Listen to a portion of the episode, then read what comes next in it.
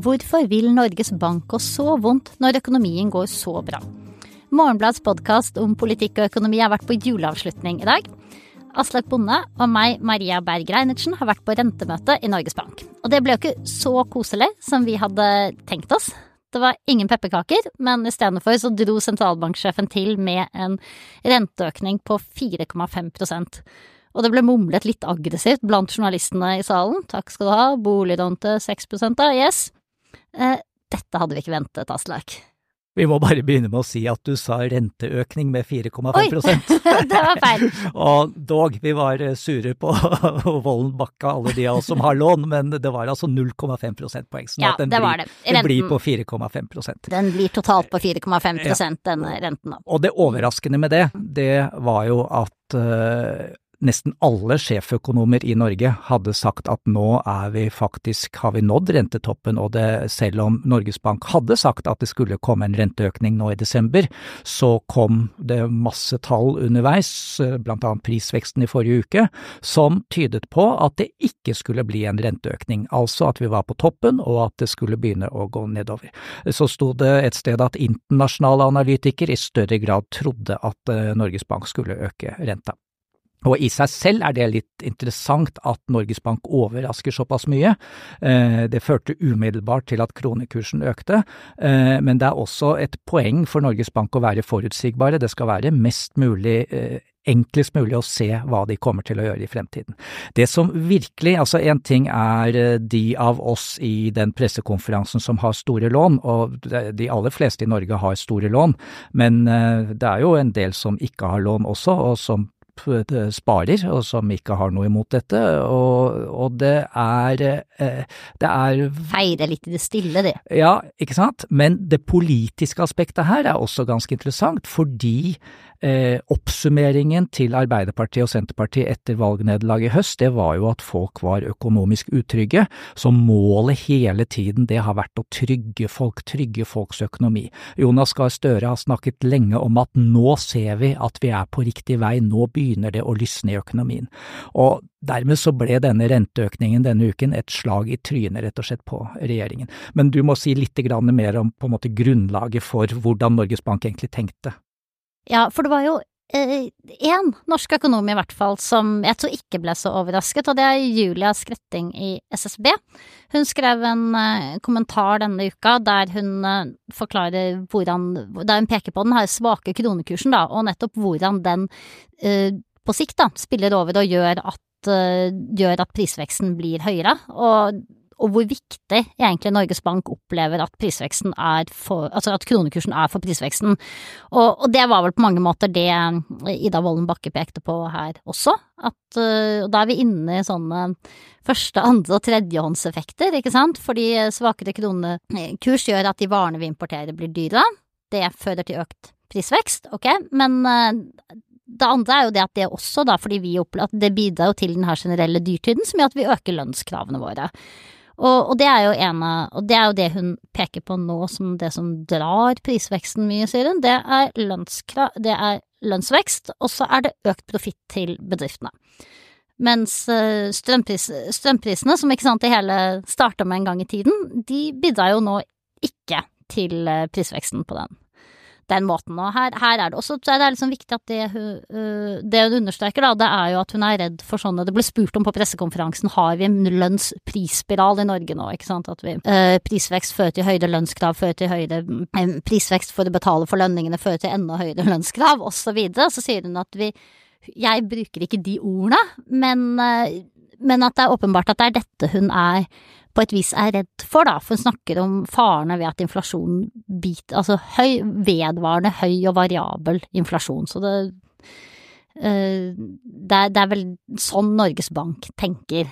Og grunnen til at veldig mange, og spesielt LO kanskje, reagerer på det, det er at når man setter opp renta, så risikerer man å ta knekken på eh, Altså én ting er å gjøre det vanskelig for folks privatøkonomi, men man kan også ta knekken på mange bedrifter og skape arbeidsløshet. Og, og det er jo ikke noe sånn voldsomme Altså, Norges Bank viser til at det ikke er noe nedgangstider i Norge, men det er jo heller ikke noe lyse økonomiske utsikter. Nei, men det syns jeg er spennende, da. Nå høres jeg kanskje litt mer ivrig ut enn en renteøkning på 0,25 og alt burde, burde gjort meg, men eh, det jeg syns er veldig spennende med den eh, pengepolitiske rapport som kommer nå Norges, fra Norges Bank, det er det at de skriver jo rett ut der at utviklingen i fastlandsøkonomien, altså alt det vi driver med som ikke er olje, da, for å si det enkelt, at den er svak. Og, og, det er det de forventer også, ikke sant. Det er for at endelig nå så begynner disse renteøkningene å virke, sånn at husholdningene de eh, kutter ned Altså husholdningene, det er oss, da. Eh, vi kutter ned på, på, etterspørselen vår, vi kjøper mindre ting, så, ned, så, varehandelen har ikke lenger den sterke veksten de har. Vi merker også det at det er jo eh, fall i etterspørselen etter bolig, i boligbyggingen, og det rammer jo igjen eh, byggenæringen, ikke sant. Og så du har, og de venter jo heller ikke noe sånn særlig sterk utvikling i uh, fastlandsindustrien, for eksempel, som har fått litt hjelp av svak kronekurs tidligere. Uh, så det som på mange måter drar norsk økonomi nå, da, ifølge Norges Bank, det er jo fortsatt forventa økning i offentlige utgifter. Og så er det kjempehøy aktivitet i oljesektoren, som de også forventer til neste år. Og det at aktiviteten der er så høy, det skyldes jo dels liksom, god utvikling på oljeprisen, men det skyldes jo veldig mye at det kommer masse investeringer i oljesektoren nå fordi at eh, regjeringen i forbindelse, altså regjeringen Solberg og Stortinget i forbindelse ikke samlet, men et bredt flertall på Stortinget, som også inkluderer dagens regjeringspartier, i sin tid da, for å kontre fall etter korona, laget en sånn stor pakke med skattelettelser til oljenæringen, som var veldig gunstig, og som gjorde det veldig gunstig å sette i gang investeringer i olje. Så da har du liksom olje, olje og offentlig forbruk egentlig som drar økonomien opp, eh, og gjør det nødvendig med renteøkninger, som kanskje da gjør det enda vanskeligere for noe annet næringsliv å få fotfeste i Norge. Og det stemmer for meg veldig dårlig da, med det Norges Bank eh, alltid, og sentralbanksjefer alltid bekymrer seg for ellers, nemlig eh, at offentlig sektor er for stor, og at vi er for avhengig av oljenæringen. Og det er jo interessant det med oljeskattepakka våren 2020. Den ble kritisert fra første stund fordi den var klimapolitisk gæren, at man stimulerte oljeindustrien. Men nå på en måte ser vi her at den også er gæren for økonomien vår, er det det du sier? Ja, og det er derfor jeg ikke syns sånn supersynd på Jonas Gahr Støre, da. Fordi at Arbeiderpartiet var jo faktisk med og gjorde den pakken her enda bedre Stortinget enn det regjeringen Solberg i utgangspunktet ville. Så han får jo litt uh, betalt tilbake med renter. Oi. Unnskyld. wow. Unnskyld. Ja. ja. Uh, men han, han, han, gjør jo rett og slett det, det nå for noe de har Noe de, de, de satte i gang da, og jeg Det er jo kanskje Altså, det, det, er, det er jo mange ting som umiddelbart er bekymringsfullt når renta øker, ikke sant, for for privatøkonomien vår, men litt sånn på sikt så blir jeg jo nysgjerrig, da, på, på, hva slags uh, norsk næringsliv det egentlig er som kommer ut av disse renteøkningene. Mm. Men, uh, og det, jeg deler den nysgjerrigheten, men samtidig så det er jo mange perspektiver man kan ha på den oljeskattepakka, fordi du kan si at ja, nå, det at det går bra i oljenæringen, det eh, bidrar til å holde renta oppe, men det bidrar jo også til å bevare arbeidsplassene langs hele kysten vår. Ikke sant? Altså, det er jo Den ble laget for å hindre stor arbeidsledighet alle de stedene i landet hvor man er ikke bare direkte kobla på olje, men indirekte leverandør til oljeindustrien. Og, og, det dreier seg jo om veldig mange arbeidsplasser som på en måte ikke forsvant. Så når man Altså, det er jo litt interessant nå at man øker renta, men fortsatt så har vi lavere arbeidsledighet nå enn vi hadde før pandemien. Så på en måte Ja, det er jo superinteressant, uh, og, og, du har meg litt der, da. For at Eh, jeg er også litt fascinert egentlig av det eh, den der veldig lave arbeidsledigheten vi har nå, og at den ikke gjør at vi føler oss bedre, ikke sant? Eh, arbeid til alle er jobb nummer én, sier Arbeiderpartiet, og så har de arbeid til nesten alle nå, ikke sant? Og, og, og likevel så er vi så, så misfornøyde, da. Så, og Ja, man kan selvfølgelig si akkurat for å gjøre ferdig det med oljeskattepakke, da, så kan man jo si at den bidro til å holde, holde arbeidsledigheten lav, at det sånn alt annet likt er en, er en god ting, men, men, samtidig så blir jeg jo litt nysgjerrig på om, om, det som kommer ut av det sånn i det lange løp, da, er, er, er arbeid til alle. Uh, fordi hvis vi, hvis vi, faktisk tar de klimaforpliktelsene vi etter hvert har tatt på oss på alvor, da, så må vi jo omstille dette næringslivet vårt. Jeg har jo pekt veldig på det klimautvalget som kom i høst også, som vi har snakka om her tidligere. Uh, og da er det jo ikke sikkert at det er så, så, så, så veldig lurt å gjøre det enda vanskeligere for um, alt det andre næringslivet vi har i Norge, som kanskje ikke da alltid har de Altså, det, dette er jo næringsliv som ofte er rammet av strøm av, Som er hardt rammet Altså, industrien er hardt rammet av høye strømpriser mindre bedrifter sant, vil jo fort bli mer rammet av renteøkninger enn de her store oljerelaterte virksomhetene, som har helt andre måter til, muligheter til å skaffe seg kapital. Men hvis det på en måte viser seg å bli et mye større problem, så sier Ida Wolden Bakke veldig tydelig at da da skal de sette ned renten, ikke sant. Altså, de, eh, i denne begrunnelsen de eh, avga denne uken, så er de jo veldig De er jo ganske ydmyke, vil jeg si. Altså, de sier at her må vi balansere masse hensyn mot hverandre, og, og så sier de at hvis det blir mer arbeidsledighet enn det vi tror, mer ledig kapasitet som de snakker om, så skal de eh, gjøre om på de eh, forventningene eh, de har om høy rente ganske lenge. Og ja da, men hun sier også veldig tydelig at hun ikke, når vi spurte henne, sant, at hun kan ikke ta ansvar for balansen i økonomien og balansen mellom sektorer. Eh, selv om hun ser at det er noen utfordringer der i Norge.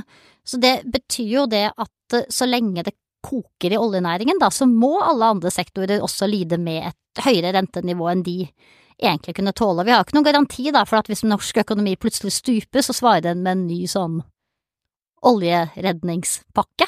Hvis eh, det for det er jo en typisk ting som Altså, en ting man man er jo redd for utviklingen i verdensøkonomien nå, ikke sant. Altså i USA så hadde jo rentemøte i fjor, nei, i går, eh, og da sa sentralbanksjefen at rentetoppen i USA er nådd. De satte ikke opp renten, den er nådd, og de regner med at de skal begynne å sette den ned til, til neste år, ikke sant. Og, og, hvis verdensøkonomien går inn i et slags sånn tilbakeslag, så pleier man jo det å falle sammen med lavere etterspørsel etter olje, ikke sant. Og da har du kanskje en situasjon hvor norsk økonomi går eh, i retning dårligere tider samtidig som det er fall i oljeprisen, og oljelobbyen løper til staten en gang til, da, og ber dem om stimuli. Jo, men da, så, da er det jo ikke Here we go again.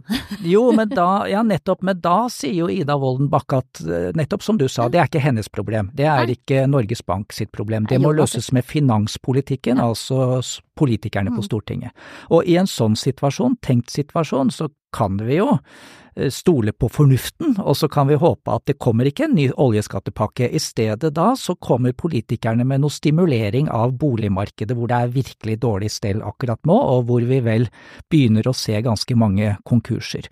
Altså, så du kan jo se for deg i en god verden og tro på politikerne at de faktisk helt helt tydelig sier at uh, nå skal vi ikke stimulere olje, nå skal vi stimulere de delene av industrien som går veldig dårlig. Er ikke det Nei, du tror ikke på politikere, du? Altså, jo, jeg gjør, ja. jeg gjør, jo det da litt, uh, og det er jo flere politikere nå, uh, kanskje særlig folk som ikke er politikere lenger, som har sagt at de aldri ville laget oljeskattpakke en gang, en gang til. Så, så, la oss absolutt la oss beholde den, den troen, og så tenker jeg at jeg har lyst til å liksom gå litt tilbake til det vi bare sneia så vidt innom, som er dette med den øh, store, dype, utbredte følelsen av, av, misnøye, og at det går dårlig i Norge, at det er utrygt, som jeg syns er interessant, da, fordi at øh, kan vi da se for oss til neste år at hvis, øh, hvis, hvis inflasjonen synker litt, da, ikke sant, prisveksten synker litt samtidig som ledigheten øke, så, så vil folk flest synes at at det er bra? Mm, At han har det bra? Er det, er det ikke så viktig med arbeid til absolutt alle? Hva tenker du om det? Er, er du, Nei, det deler er- du den overraskelsen min? Ja da, det er, og det er en veldig rart. Altså, det er noen som sier at det vi har nå er egentlig ikke dyrtidskrise, det er en ulikhetskrise. Ikke sant? Altså Fodora og disse som bringer folk ut, mat ut til folk, har akkurat like mye å gjøre så, nå som tidligere.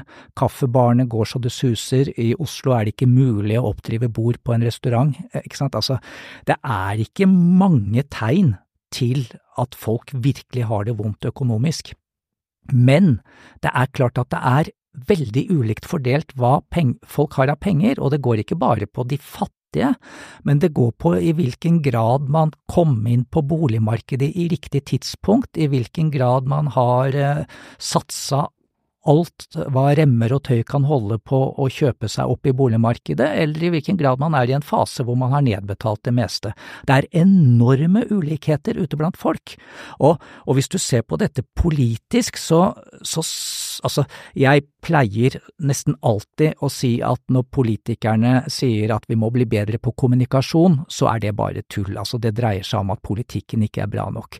Men i dette tilfellet, så, så tenker jeg at det kanskje er et eller annet med kommunikasjonen, men ikke bare politikerkommunikasjon, men kommunikasjon øh, gjennom mediene og hvordan mediene skriver om situasjonen.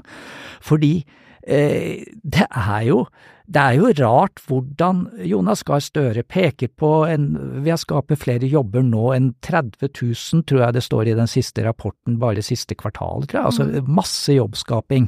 Eh, lav arbeidsledighet. Det er veldig mange ting som går bra. Eh, reallønnsøkningen kan kanskje, vi kan kanskje få økt reallønn i år, fordi de regner med 5,5% lønnsvekst, og prisstigningen skal vel øh, omtrent være der. Neste år sier de 5% øh, lønnsøkning, og da skal prisveksten være lavere. Sånn at vi får antageligvis lavere reallønn, Endelig. eller endelig reallønnsvekst neste år. Men dette klarer de ikke å få kommunisert ut, på en eller annen merkelig måte. Men, men det synes jeg er kjempeinteressant, fordi kan på en måte skjønne hvor dette starter, ikke sant, fordi at det er klart at hvis du, hvis du må gå til en matkø uh, fordi du ikke har råd til å, å kjøpe julegaver til ungene dine, ikke sant, hvis den dyrtiden rammer på det nivået der, da, da, da forstår jeg jo at det er veldig uh, ikke sant, det, det, det er åpenbart kjempeille, men så er det jo sånn at uh, for alle så gjelder det jo det, altså uansett om du tjener lite eller, eller mye, da, så gjelder jo det at eh, når utgiftene dine øker, ikke sant, når prisene øker såpass mye som de har gjort nå, så blir det veldig uforutsigbart. Og du tror man fort opplever en litt sånn skuffelse, ikke sant, at ja, ok, så fikk vi et godt lønnsoppgjør, men der kom strømregningen, og jafset det i seg, ikke sant, nei, jøsses, liksom, koste en sofa det, når jeg altså kom med de her dyre utenlandsferiene på toppen, ikke sant, og så kan du si at det at en utenlandsferie blir dyrere enn beregna, eh, det er noe helt annet enn enn den eh, enn enn- enn det at du ikke har, råd til å kjøpe julegaver til ungene dine, men det er nok eh, fortsatt en litt sånn skuffa forventning, ikke sant, som en tar med seg eh, når, i møte med politikerne. Og så tror jeg politikerne har vært veldig på tilbudssiden, da, og ikke minst vi i media, med å komme alle disse skuffa forventningene i, i møte, og kanskje behandle dem nesten litt sånn likt. Nettopp. Eh, og, og, og der er det, og da er vel den eneste da som står imot dette, det er jo Ida Woldenbakke, som virker helt totalt uinteressert i å bli likt av noen. og, Og som burde vært heiet på av ansvarlige medier som sa hør nå her, vi har det ikke så verst i dette landet. ja, for hun står jo på en måte og sier det at nei, liksom hittil har husholdningene holdt oppe kjøpekraften sin, brukt av sparingen under korona. Ser ikke så Nei, og, og det er noe, du sa korona, altså det er jo noe med at det vi nok ser nå er seneffekter eh, av pandemien, men for så vidt også seneffekter helt tilbake til finanskrisen, ikke sant. Altså vi har hatt eh, veldig lav prisøkning i veldig lang tid, og vi har i de siste årene hatt i praksis nullrente, det har vært gratis å låne penger. Og, og folk har da vent seg til det, har ikke sett hvor uvanlig det er, og derfor så blir de nå usikre og misfornøyde. Og eh, Jonas Gahr Støre og Ida Wolden Bakkes utakknemlige oppgave, det er å realitetsorientere folk, Ja. enkelt og greit. Og så tenker jeg jo det at det er et, et ekstra problem med den realitetsorienteringen, at vi visste liksom alltid at at renta måtte opp, men vi ventet jo kanskje ikke at det skulle skje samtidig med en så galopperende prisvekst. Uh, jo, men jeg, det, er det ikke nettopp det som er logikken, da? Jo, det er jo altså, logikken, men man har jo alltid Altså, det man håpet var jo det å Ikke sant, som Øystein Olsen sier da, ikke sant. Vi hadde jo før, før korona rammet, da hadde jo um, daværende sentralbanksjef Øystein Olsen gjennomført en rett rekke sånne ørsmå renteøkninger fra det der lave nivået ved finanskrisen. Mm. Så, ikke sant? Og da var det jo ingen som var egentlig var sure på det, for det var en periode hvor norsk økonomi gikk eh, ganske så godt, og hvor det var eh, eh, Og hvor prisveksten var helt sånn den, den, den, var ikke, den, var jo ikke, noe høy på dette tidspunktet, ikke sant, så man satt ikke liksom og venta på strømregninger i, i, tillegg, men man bare økte rentene fordi man ikke ville ha en, ha en nullrente. Så det er jo det som er litt uheldig her, at du starter med liksom kjempelav rente, og så, mm. og så må du må det opp. Mm. Men vi har forbrukt det vi hadde av tid nå, har vi ikke det? Ja, vi ja. bare ta akkurat dette med mm. uh, om folk får mer penger å rutte med, mm. ikke sant. Fordi, og, og, vi har nesten ikke snakket om hvorfor kronekurs er så viktig, men